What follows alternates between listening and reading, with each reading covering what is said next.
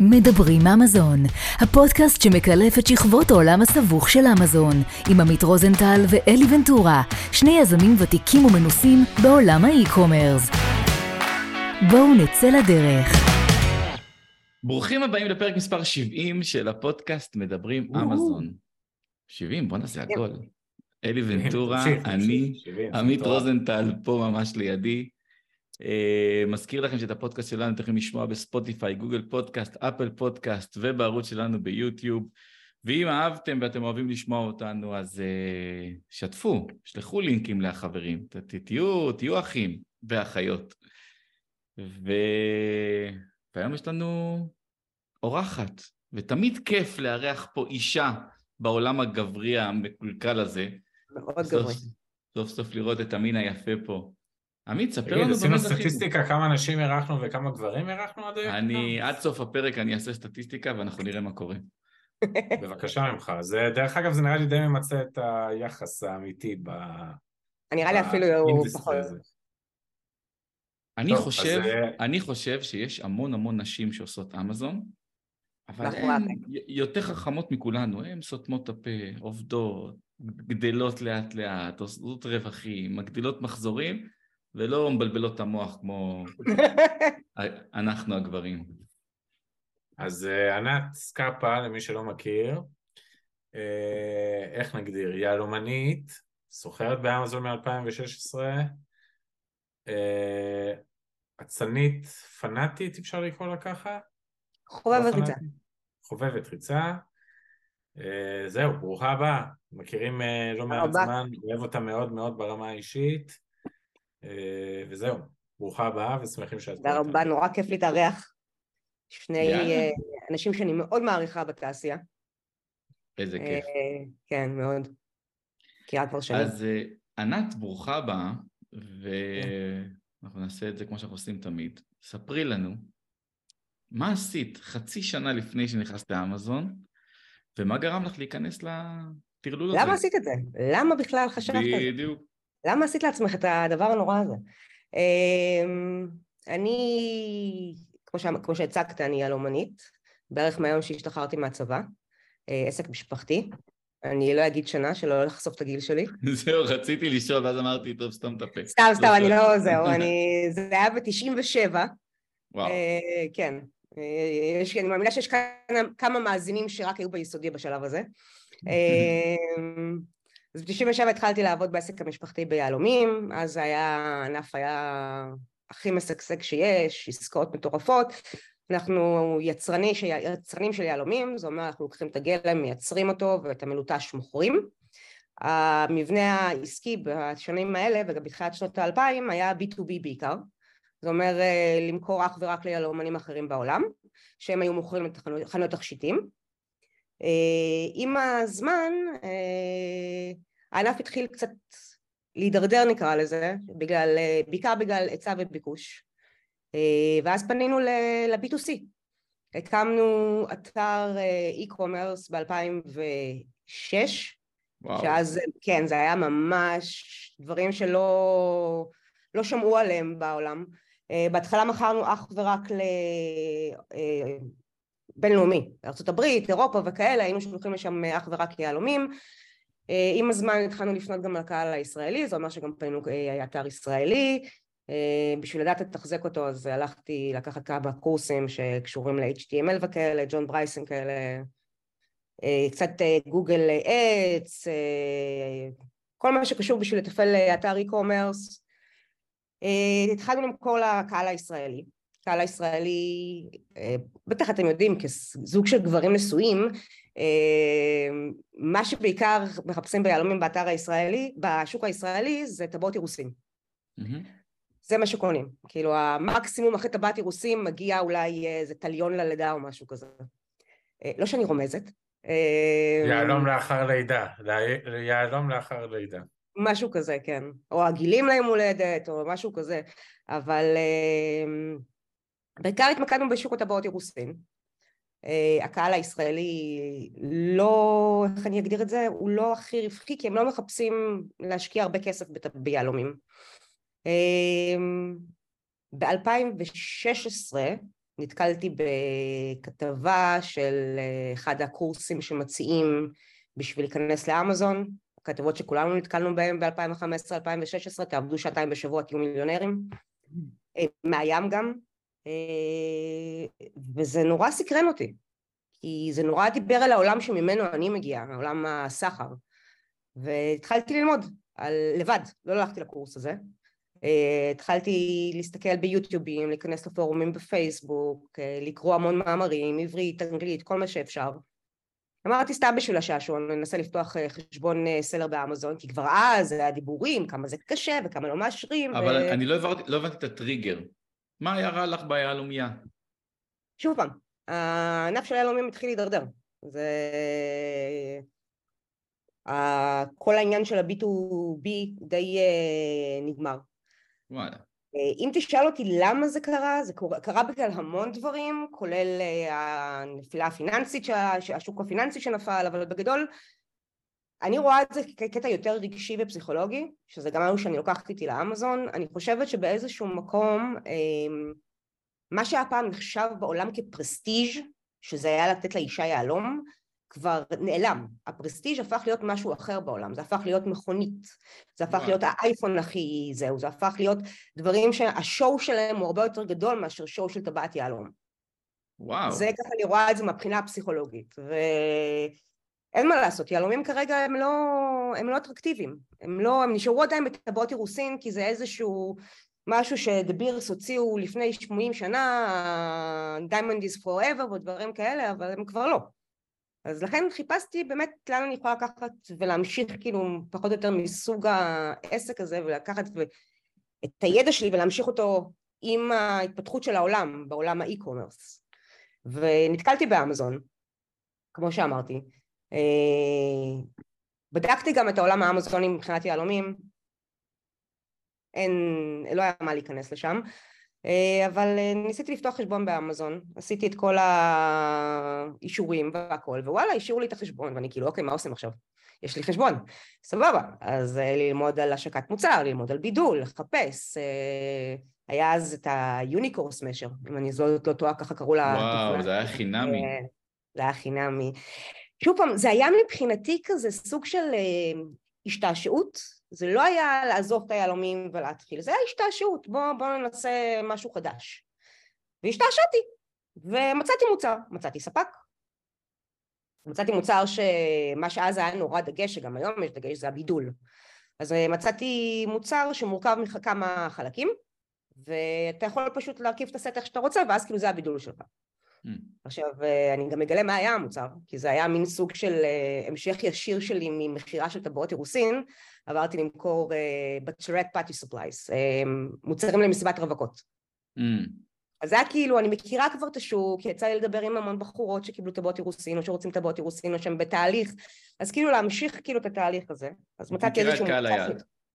כן, אה, מצאתי מוצר שקשור למסיבת רווקות, שמכיל כל מיני פרופר, כזה, כל מיני פרופס כאלה. אה, הזמנתי, שלחתי, אה, וואלה, הצליח.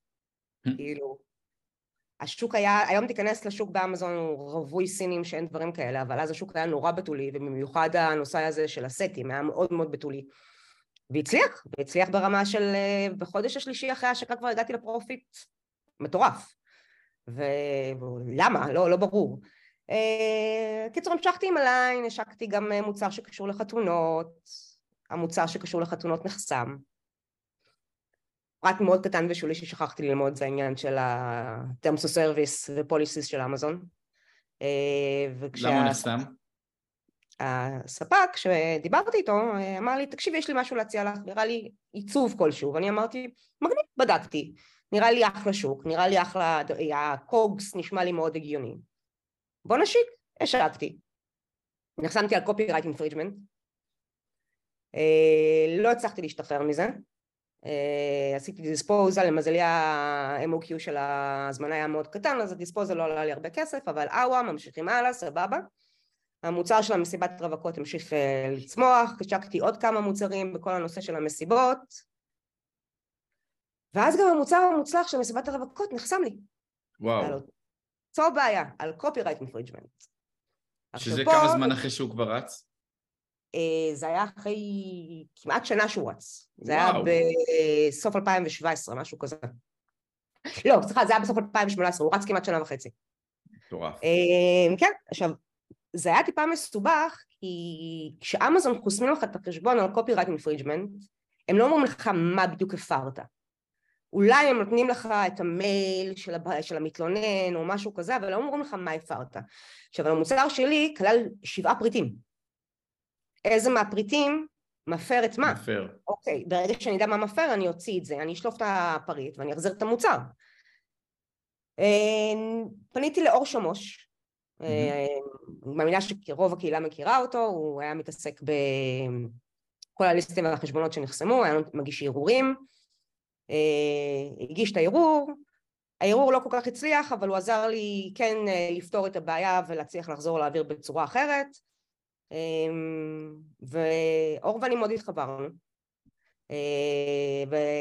והתחלתי גם להיכנס לכל העולם של הכנסים והכל, ונפגשתי בכנסים עם כמה אנשים, ותוך כדי החברות שלי עם אור, שמעתי על העבודה שלו. העבודה שלו מאוד סקרנה אותי. כל הנושא הזה של האמזון טוס ואמזון פוליסיס והרגוליישן, ואיך מערערים, ומה צריך, ומה אמזון חושבים, ומה הלקוח חושב. כל העולם הזה נורא עניין אותי, וכל הזמן דיברתי איתו על זה, וכל הזמן שאלתי אותו, ויום אחד out of the blue, אה, הוא הציע לי לבוא לעבוד איתו. וואלה. אה, אז זהו. להתעסק אה, בדברים שאף אחד לא אוהב להתעסק בהם. אף אחד לא אוהב להתעסק בזה. הוא גם די, חוץ מקבילי, הוא די היה היחיד בתחום אז. כן. הוא הפך את ה... הכמות ידע שלו הייתה מטורפת, כאילו מה שאני קיבלתי ממנו מבחינת ידע על אמזון זה מטורף. אה, אז מצאתי את עצמי בגיל 42, עושה שינוי קריירה. אחרי 15 שנה בבורסה, ליהלומים. אחרי שהיה לי מקום מאוד נחמד ונוח במשפחה, ועסק עצמאי, אה, כבר העסק של היהלומים הפך להיות יותר עסק של תכשיטים, קיבלתי תעודת צורף, אה, הייתי ממש בתוך העולם הזה, ואמרתי יאללה ננסה. אה, זו הייתה החלטה מאוד חכמה, כי שנה אחרי זה הגיעה הקורונה. ו... עבדתי עם אור אה, על ערעורים, עזרנו לסלרים אה, לפתוח להם חסימות, חסימת חשבונות, חסימת ליסטים, למדתי את כל מה שאפשר שקשור לאמזון פוליסיס. כאילו infringement, אה, פטנטים, סתם new sold, as, new sold as used, כל מיני סוגים כאלה של חסימות, למדתי מאוד את התחום. משם באופן רגע, המותג האמזוני שלך ממשיך אה, לרקוד? ממשיך כל הזמן. כן. כאילו על הדרך? על הדרך, זה היה כזה על הדרך, היו לי אז עשרה SKUs, אה, חלק מוצלחים יותר, חלק מוצלחים פחות, אבל לרוב היה מאוד profit, התחזוק היה די מינימלי כבר בשלב הזה, הכל כבר היה אחרי השקה. היה מוצר אחד שלא הצליח ועשיתי לו dispose, אתה לא זוכר אלי, זה אני חושבת היה פעם ראשונה שאתה ואני אי פעם דיברנו. נכון. כן, עזרת לי לעשות לו איזשהו liquidation. אמ, זה היה תפעול מינימלי של הזהו, אבל השקעתי באמת את כל הזמן שהיה לי בכל נושא האמזון policies ו TOS, שזה היה מאוד מעניין. אני יש לי שאלה קטנה אם אפשר. אפשר? אפשר? אפשר? אה, העלית איזה שתי נקודות, אני מחזיר אותך אה, חמש דקות בערך לאחור, העלית איזה שתי נקודות, אמרת אחד שהיה לך היכרות מאוד טובה עם הקהל יעד שלך, אז השאלה הראשונה היא כמה את חושבת שזה חשוב להכיר את הקהל יעד שלך כשאתה בוחר מוצר? וההערה השנייה שהייתה הערה אגבית, אבל היא כן מעניינת אותי שהיום את אומרת שהשוק מאוד מוצף בסינים, כמה זה באמת אה, אמור להשפיע על החלטה של מישהו שאולי רוצה להיכנס לתחום הזה, אה, בכלל להיכנס לתחום הזה, לפי ראות עינייך. אוקיי, okay, אז uh, השאלה הראשונה, תחזור עליה בבקשה. כמה את חושבת צריך אה, חיבור רגשי או היכרות עם הקהל יד שלך? של המוצר. אמ, שאתה בוחר, שאתה בוחר מוצר או שאתה בוחר קטגוריה? לי, אני מדברת דבר ראשון באופן אישי. באופן אישי מאוד חשוב, חשוב לי להתחבר למוצר. אמ, אני לא חושבת שיש איזשהו מוצר באמזון שאי אפשר להתחבר אליו רגשית. כאילו, אה, יצא לי להסתכל על המון חנויות ולדבר עם המון סלרים ולראות המון מוצרים, וכן, יש מוצר שהוא צינור גינה. שפחות נוח לך להתחבר אליו, אם אלא אם כן אתה גנן מדופלם או משהו כזה, אבל צינור גינה זה לא משהו שקל להתחבר אליו. אבל על ידי למידה אתה יכול להתחבר לכל דבר ואתה יכול להכיר את הקהל. כמה חשוב להכיר את הקהל, זה מבחינתי נמצא לי בטופ פריוריטי. אם אין לך את היכולת לתת ללקוח שלך את החוויית שירות שהוא רוצה, וחוויית שירות יכולה להיות גם חלק מהליסט. אם נגיד אנחנו נדבר על הצינור הספציפי הזה, ובצינור הזה אין לך נגיד אינפוגרפיה שמראה לך מה האורך של הצינור, או מה הלחץ שהצינור יכול להוציא, או לייפסטייל כלשהו שהאמריקאי יכול להתחבר אליו, ולא לייפסטייל של גינה ישראלית, אלא לייפסטייל של גינת ורדים כלשהי, שזאתי שיצאה לפנסיה ומגננת, אז היא תוכל אה, להתחבר לתמונה הזאת. או הכי חשוב, guidance, בין אם זה נגיד אתה מוכר בגדים, אז שיהיה לך size guide. אה, אם אתה מוכר כל דבר שקשור איכשהו לגוף האדם, אפילו אם זה מוצר ספורט. תן גיידנס לגודל, למשקל, תן ללקוח להיכנס לליסט שלך, ולא לא תקרה, לא יקרה מצב שתעלה לו איזושהי שאלה בראש, שתגיד לו, שהוא יגיד לעצמו, אני לא מוצא את השאלה הזאת בליסט הזה, אני אצא כבר לליסט אחר. כל שאלה שעולה לקונסומר, כל שאלה שעולה ללקוח אה, בראש, הוא צריך למצוא את התשובה בליסט, ולכן חשוב כן להיות מחובר רגשית למוצר ולהכיר את הקהל בשביל שאתה תדע מה הקהל באמת מחפש. עכשיו, עד כמה זה אמור להשפיע בבחירת מוצר? אם אתה כאינדיבידואל, יש לך בעיה להתחבר לדברים שונים. אמ, סתם לדוגמה, לא שמותר למכור את זה באמזון, אבל בוא נגיד נשק. אם היו נותנים לך למכור נשק ואתה נורא היה אה, אידיאליסט ואתה נגד החזקת נשק, לא תוכל למכור את זה. אז כן, באיזשהו מקום אל תיקח איזושהי נישה שהיא לחלוטין שונה אם אתה גבר אה, לא מטרוסקסואל, אתה לא תמכור מוצרי יופי, אלא אם כן אתה חי את, את התחום הזה ואתה יכול למכור את התחום הזה. אבל החיבור הרגשי מבחינתי מאוד מאוד חשוב למוצר. ואני חושבת שבאמת יש לכל אחד את היכולת להתחבר למוצר שלו ולקהל שלו באופן הנכון על ידי למידה. ולמידה זה בעיקר דרך uh, מתחרים. וואי, כמה דעות שונות שמענו על, ה, על הנושא הזה של החיבור הרגשי או לא חיבור רגשי. מטורף. אני יכולה, כאילו, בקטע הזה, אה, אני חושבת שלנשים הרבה יותר קל. להתחבר רגשית. דרך אגב, כל הנשים, וזה אלי תבדוק אותי, כל הנשים אמרו חד משמעית שאתה חייב חיבור רגשי למוצר. נכון. אני חושבת שפה באמת אה, יש את ההבדל, עד כמה שאני לא חושבת שיש הרבה הבדל בין סלרים לסלריות, אבל אני חושבת שבאמת בעניין של ה... אנחנו מטבענו, העם הנשי, אנחנו שופריות. אחת הסיבות שנכנסתי לאמזון, ושגם אמזון, זה משהו ששכחתי להזכיר מקודם, אחת הסיבות שנכנסתי לאמזון, ושאמזון נורא ריגשה אותי, זה כי אני שופרית, מאז ומתמיד הייתי שופרית, הייתי שופרית אינטרנטית עוד לפני שבכלל היה אמזון בכלל שלחו לארץ, הייתי שולחת דרך כתובת צד שלישי בארצות הברית, אז אנשים הם, שופ... נשים הם שופריות, אנחנו יודעות, אנחנו מכירות את הגלילה הזאת באצבע, אנחנו יודעות מה תופס לנו את העין, אני, אני מדבר בשמי, אני לא מדבר בשם כל העם הנשי, אני יודעת מה תופס לי את העין, איזה תמונה תגרום לי להיכנס מהדף חיפוש לליסט הספציפי, אני יודעת מה יגרום לי לצאת מהליסט, אז כן, יותר קל להתחבר רגשית לנשים, אני חושבת. וואו. תחליט אותי אם אני טועה, אלי, כאילו, אתה כסלר. לא, לא, מגניב. ש... אני, אני באופן אישי גם מתחבר כנראה לצד הנשי שלי, אני חי עם שלוש אה, נשים בבית. אה, זה נהדר. ואני מאוד מאוד מחובר למוצרים שלי. לא יודע לומר אם זה טוב או לא טוב. כי מצד אחד זה טוב, כי אני מכיר את המוצרים ואני מכיר את קהל היד ואני מדבר אליו ואני חי אותו ואני כל פעם משנה ומדייק ולומד. מצד שני, יכול מאוד להיות שאני מאוהב מדי במוצרים שלי. ואיך אתה חושב שזה אמור לבוא לך כ... שאני רואה סלרים אחרים, מוכרים מוצרים, שאני אומר, מאיפה מצאתם את המוצר המחורבן הזה בכלל? ומתפוצצים, כי השוק הזה... מה זה כן? גם אני מצליח, הצלחתי. לא, אבל הם מצליחים למרות שאתה רואה את המוצר הזה כמחורבן. נכון. ואגב, היו הרבה מוצרים שאני הבאתי ונכשלתי בהם, אבל אהבתי אותם, מאוד מאוד התאהבתי במוצר, ידעתי שאני מביא פה מוצר מדהים בשוק מדהים והשקעתי בו את הנשמה בתמונות ובטקסטים ובאמת, והמוצר לא הצליח. אז יכול מאוד להיות שבמחקר השוק התאהבתי ברעיון של המוצר, אבל בקר, בטכני, ואמר את זה עידן ברזילי אז בזמנו בפרק מספר 3-4, אם אתה מסתכל על, על הנתונים בצורה קרה וטכנית, אתה יכול להביא את המוצר המנצח, ואם תדע לנתק את הרגש, אתה גם תדע להעיף אותו לשמיים. באמת? כן. אני דווקא פחות, אה, אני חושבת... שוב, ש... לא יודע מלהתחבר, לא, לא להתחבר. לא, ברור, אה, זה דעה. אני כאילו, אני מאוד מאמינה בדאטה. אני חושבת שדאטה זה דבר שמאוד חשוב בשביל להצליח. אבל דאטה נקי, בלי ה storytell שעומד מאחורי הדאטה, הוא לא תמיד נכון. אהמ. אתה צריך באמת לדעת לקחת את הדאטה ולהפוך אותו ל story. להבין מה ה story מאחורי הדאטה בשביל להצליח לקחת את זה למקום הנכון. תגידו, איך חיים עם אה, מוצר שהשקעתם בו כספית, רגשית, זמן, והוא לא מצליח? איך מתמודדים עם זה?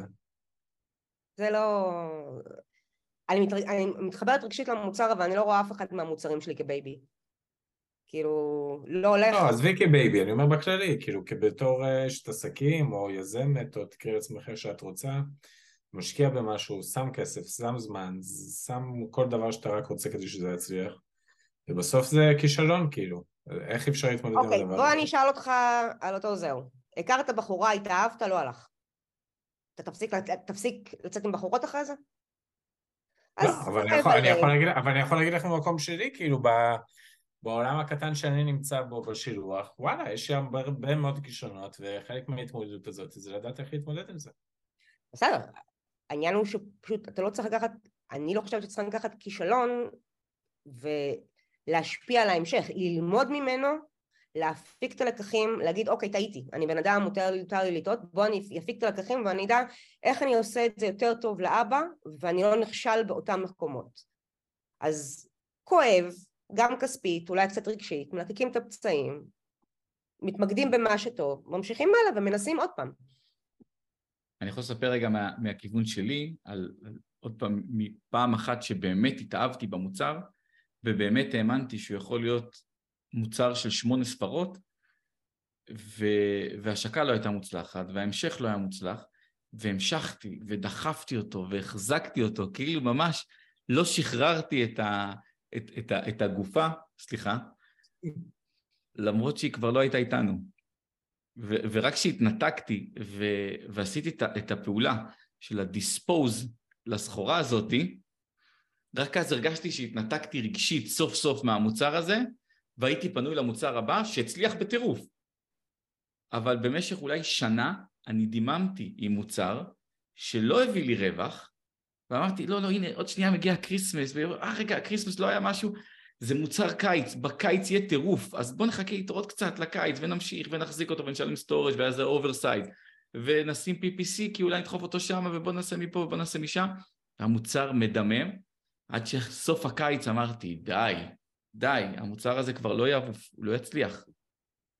נעיף אותו. מוכר. אבל זה לקח יותר מדי זמן. אבל בוא נחזור לסיפור שלך, ואנחנו כבר אה, עם אור שמוש והתחלת לעבוד איתו, וברקע המוצר אה, זה, מה השלב הבא? השלב הבא זה אה, חברת אפסלון התאגדה, 2019 אם אני לא טועה, תתפסו אותי על התאריכים, אני גרועה בזה, שאור שמוש היה אחד מהמייסדים שלה, ועם ההתאגדות עברתי לעבוד במחלקת המסחר, כי אני מגיעה מעולם הסחר, אני מגיעה מעולם המסחר, ברוסת היהלומים כידוע זה עולם המסחר הכי קשה בעולם, הבית ספר למסחר הכי קשה בעולם, אה, אז התחלתי לעבוד שם במחלקת המסחר, שזה היה ממש אה, בחיתולים, זה היה מההתחלה. תני לנו בשתיים שלוש מילים מה זה אפסלון למי שלא מכיר. אפסלון זה אגריגטור של אמזון, House of Brand, קונים ברנדים ומשביחים אותם. אה, והתחלתי לעבוד שם די בהתחלה, ממש מהברנד הראשון שהם אה, הקימו.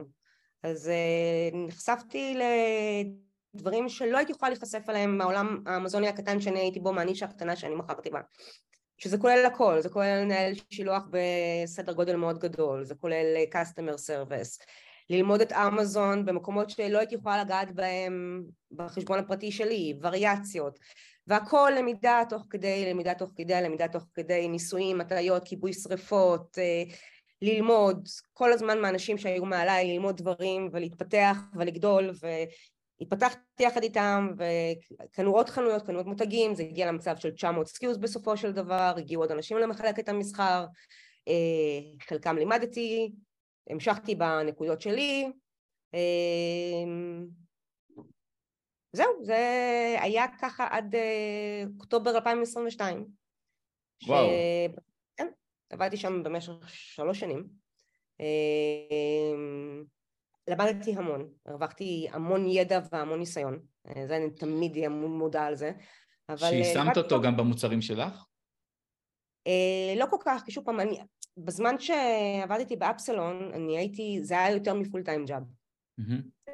בגלל שזו הייתה חברה שרק אה, הוקמה, אז ממש נתתי את כל מה שהיה לי, שעות, זמנים, אמ, רצון בפנים, כאילו את, את, את התכולה שהייתה לי לתת, אז נתתי לה, זהו, והחשבון, החשבון אמזון שלי צמצמתי אותו לשלושה מוצרים, השארתי את הפרטו, אה, שלושה מוצרים שעבדו לבד, זה כאילו מה שדמיינתי ב-2016 שיקרה, זה קרה סוף סוף ב-2020, אה, זה עניין היה שעה של שלוש שעות בשבוע, קצת אופטימיזציה של ה-PPC, חידוש מלאים, הזמנה מסין, כל הדברים האלה, אז שמתי את זה בצד, בקושי, בקושי נגעתי בו, אה, בחשבון שלי. אז יש לי שאלה אישית. אם הבנתי נכון, מהרגע שהשתחררת מהצבא, עבדת בעסק משפחתי. זה למעשה הפעם הראשונה שאת פתאום שכירה. נכון, נכון. איך ההרגשה? אה, זה גרם לי לגלות שאני נורא סטגלטנית. אוקיי. Okay. אה, כן, זה היה באיזשהו מקום מעבר שהייתי צריכה לשנות בראש, כי כן, הייתי מ-97 עסק עצמי, אני הייתי אדון לעצמי, הייתי כביכול ה-co-founderית של כל האתרים שאנחנו הקמנו, אה, עשיתי את הכל לבד, אני ניהלתי עסק, ניהלתי את כל העסק, עסק של מיליונים, כל מה שקשור מסביב.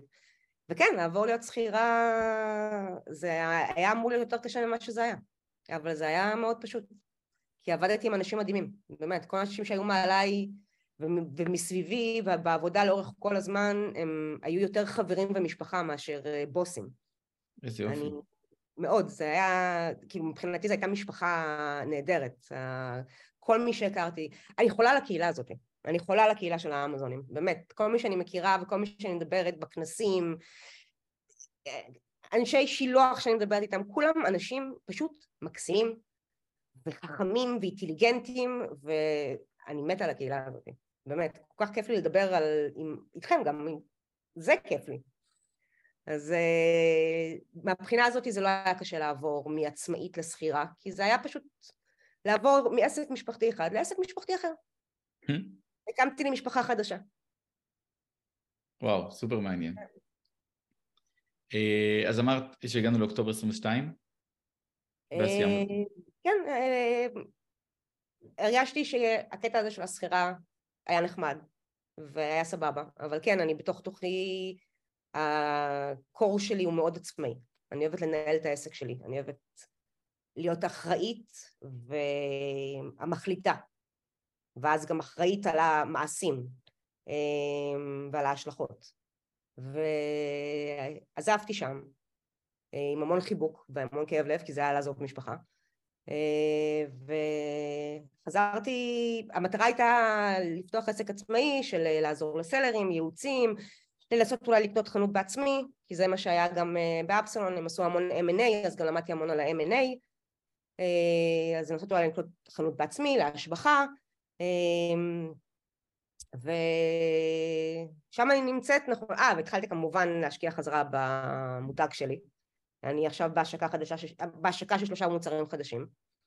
Uh, התחלתי יותר uh, להשקיע, לעשות יותר אופטימיזציה לליסטים, אופטימיזציה ל-PPC, זה מדהים, זה כל כך POC לעניין הזה שחשבון אמזון צריך attention. Mm-hmm.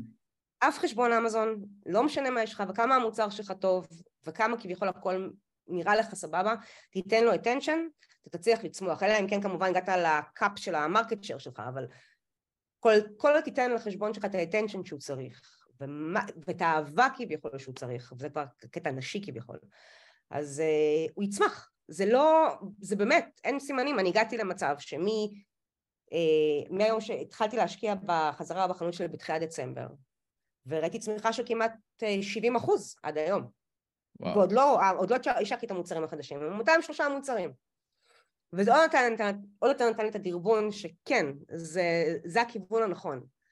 אה, ויצא לי לדבר עם המון סלרים ולעזור להם גם באותו כיוון. וזה מאוד כיף, מאוד כיף. תגידי, ענת, זה לא משהו אבל שהוא נכון אה, לכל עסק בכלל, ועוד יותר נכון באמזון 2023? זאת אומרת... כן, העניין של להתמקצע בביזנס שאתה נמצא בו ו- to give them full attention, כי זה פשוט לא עובד אחרת כבר.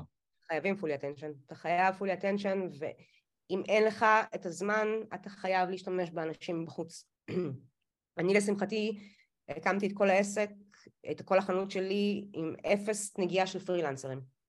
אני הצבתי את התמונות לבד, אני הצבתי את המוצר לבד, אני קופירייט כמובן שנתתי לקופירייטר מוסמכים לעשות, אבל את ה-PPC למדתי לבד, הכל אני עושה לבד, אבל אם אין לך את הזמן או יש לך מספר SKUs גבוה, תשתמש באנשי מקצוע, תמיד, תשאל, תמיד יהיה מישהו שמתמקצע יותר טוב ממך באיזשהו תחום ספציפי שאתה לא טוב בו. אתה לא טוב בלמלא מלאים, אתה גוזר על החנות שלך גזר דין מוות, לא, לא מוות, אבל אתה, אתה פוגע לך בחנות. אתה חייב לדעת למלא, אתה לא יודע איך לעשות את ה-supply chain כמו שצריך, תחפש מישהו שכן יודע ולא יגרום לך לרדת מהמלאי. אתה לא יודע לעשות sourcing, ה COGS שלך הוא 40 אחוז מה rev שלך, תחפש, suppl... תחפש suppliers אחר, 40 אחוז, 40 אחוז COGS זה המון. אני הצלחתי להוריד COGS בכמעט 10 אחוז בתקופה הזאת, שזה גם העלה לי את ה margin. אז uh, תמיד, תהיה, תמיד יהיה איזשהו נישה שאתה לא מכיר. תשתמש באנשי מקצוע, או שתלמד. אם אין לך את היכולת ללמוד, תשאל אנשים. תהיה אקטיבי, פורום, אין, תמיד. וכן, צריך attention, אין מה, מה לעשות.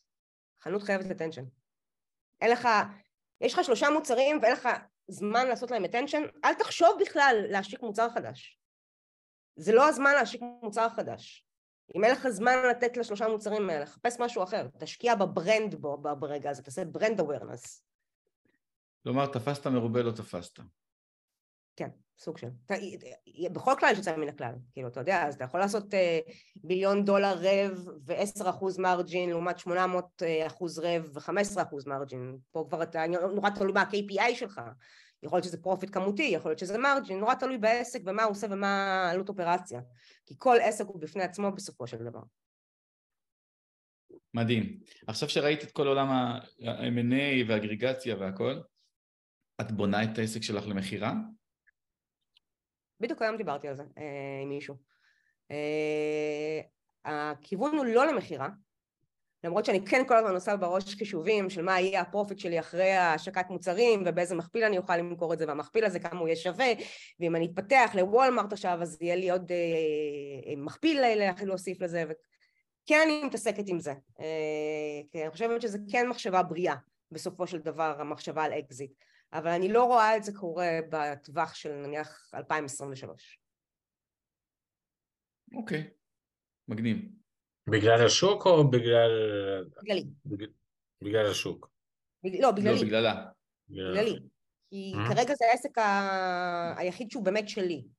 זה לא עסק של ייעוץ או לעזור לסלרים אחרים או דברים כאלה, זה עסק שהוא שלי, זה...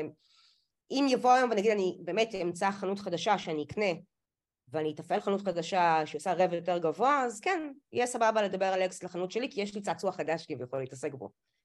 אז שוב פעם, בגלל שצריך את האינטנשן, ואני בן אדם אחד בסופו של דבר, ויש 24 שעות ביממה, אה, אז, ואני צריך לבחור איפה, איפה אני שמה את ה attention שלי, אז בשלב הזה כן, אקזיט יכול לבוא בהחלט בחשבון.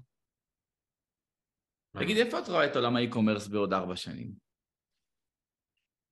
את חיה אותו תקופה. כן, אני חושבת שהוא ממשיך לצמוח, אני חושבת שהוא רחוק מאוד מלמצות את עצמו. הוא חוזר לעולמות ה e-commerce או, או מתכנס יותר לעולם ה marketplace ים? ה e-commerce בגדול.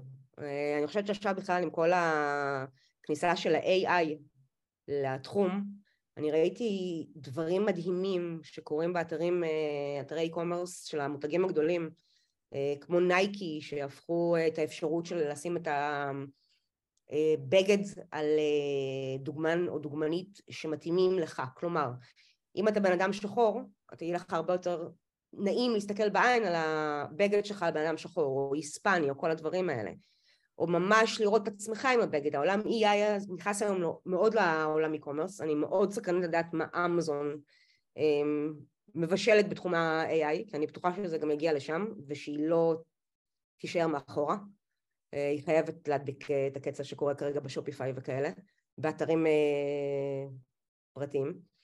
אז אני חושבת שעם כניסת ה-AI לעולם האי-קומרס, דברים נהדרים עומדים לקרות, ומה שיביא עוד יותר איזשהו כמו שהחנויות, כמו שקרה לחנויות אה, ברחוב, בתקופת הקורונה, שהם התחילו להתדרדר, יש הרגשה שגם AI יגרום לזה לקרות אה, עוד יותר חזק, מה שיצמח, יצמיח את עולם האי-קומרס. מצד שני, אנחנו נמצאים מול מיתון עולמי. אה, כולם בטח יודעים שה-CVB נפל. SVB. SVB, סליחה. ויש פה הרגשה של מיתון עולמי. יש פה, כולם יודעים שיש פה הרגשה של מיתון עולמי, כולם מפחדים ממנו. אז אה, נורא קשה לראות מה, לצפות מה יהיה, אבל אני כן מאמינה באיזשהו מקום שהעולם הזה יגדל על חשבון החנויות ברחוב או בקניונים. וואלה. אלא אם כן תהיה אפוקלפסיה של ג'וב זומבים, לא יודעת. זה גם אופציה, ואז נמכור כן, להם טבעות לא, יהלום לא ונחזור אחורה. בכל אפשרי. כן, לגמרי לחזור אחורה. ענת, אם מחר בבוקר היית זוכה בעשרה מיליון דולר נטו, מה היית עושה איתם? מחזירה משכנתות. מיליון. אה, מה זה? שבעה מיליון. שבעה מיליון. אה, וסביר להניח שהייתי קונה חנות באזור השתי מיליון דולר כרגע. כי בניתי לי איזשהו מודל עסקי של חנות אה, של שתי מיליון דולר. ואני חושבת שזה סכום די מדויק בשביל להתחיל כרגע איזשהו סוג של M&A, לקנות חנות ולהשביח אותה ולהגיע ולעשות ממנה פליפ אה, בטווח של שלוש שנים. וואו. והשאר, לא יודעת, תורמת, מחלקת, מנדבת, לא יודעת כל כך, שמה בבנק, אבל... אין ב... איזה קצת אה, הפסקה, מנוחה, חופשה. אה, וואי, אני מה זה לא שמעתי בלקסיקון שלך. אני מה זה לא טובה בחופשות. אה, תשמע, התקופה הזאת, מאז שעזבתי את אה, אפסלון ואני עובדת כעצמאית, זה, היה, זה בערך תקופה ראשונה בחיים שלי, מאז ומעבר, שאין לי את ה-9 to 5, כאילו, כולל יסודי ותיכון וצבא. זו פעם mm. ראשונה שאני באמת, כי בבורסה זה היה גם לבוא כל בוקר ולהיות במשרד, כי זה בורסה, זה קהילה. ופעם ראשונה שאני באמת מוצאת את עצמי יכולה לצאת לרוץ באחת בצהריים בחורף, שזה וואו, מדהים. אז אה, לא יודעת אם אני אצליח, יכול להיות שאני אקח חופשה של שנה. כי יש לי איזושהי פנטזיה מה לעשות אה, בשנה, איזה קוסט טו קוסט בארצות הברית או משהו כזה. גדול. אני איתך בקטע הזה. של הקוסט טו קוסט בארצות הברית? הוא איתך בקרוון. בקרוון, לא, לא, בוא לא נסחף, קרוון, לא, יש אנחנו עשירים, לא צריך קרוון. אה, נכון, שכחתי, אפשר במלונות. זה, מלונות, לא, יש לי כאילו, זה לקחת 12 חודשים, וכל חודש לגור בעיר אחרת.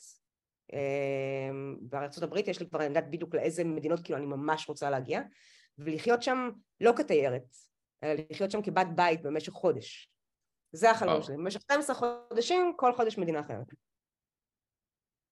אז אולי אני אעשה את זה באמת. יש לך דרך אגב זה מצחיק, כי אני החלום שלי זה לקחת שנה ולעשות טור בארצות הברית עם קרוון ו... forget about everybody, כמו שאומרים. זה לא בדיוק תואם, אבל זה יחסית תואם. כן, זה יחסית, גם היה לי קרוון, אבל אז אה, אמרתי לעצמי, לבוא ולא בקרוון, אלא לחיות בתוך בית, ולהכיר את המכולת השכונתית, ולהכיר את הקהילה, ואת ה-neighbors, וזה לא מדברת על ניו יורק, אני מדברת על מקומות נגיד כמו אלסקה. כן. זה, זה נשמע לי... מיזורי. כן, דברים הכי נטושים, איזה מק... עיירת רדנק בטקסס או משהו כזה. ממש מסקרן. ענת סקאפה, תודה, תודה, תודה, תודה רבה על הזמן. תודה רבה, אלי, תודה רבה, עמית. היה ממש ממש כיף. ממש. מאחל לך המון בהצלחה. תודה רבה, גם לכם. יאללה, רק תמשיכי לעוף. משתדלת, או לרוץ. ביי ביי. ביי. ביי.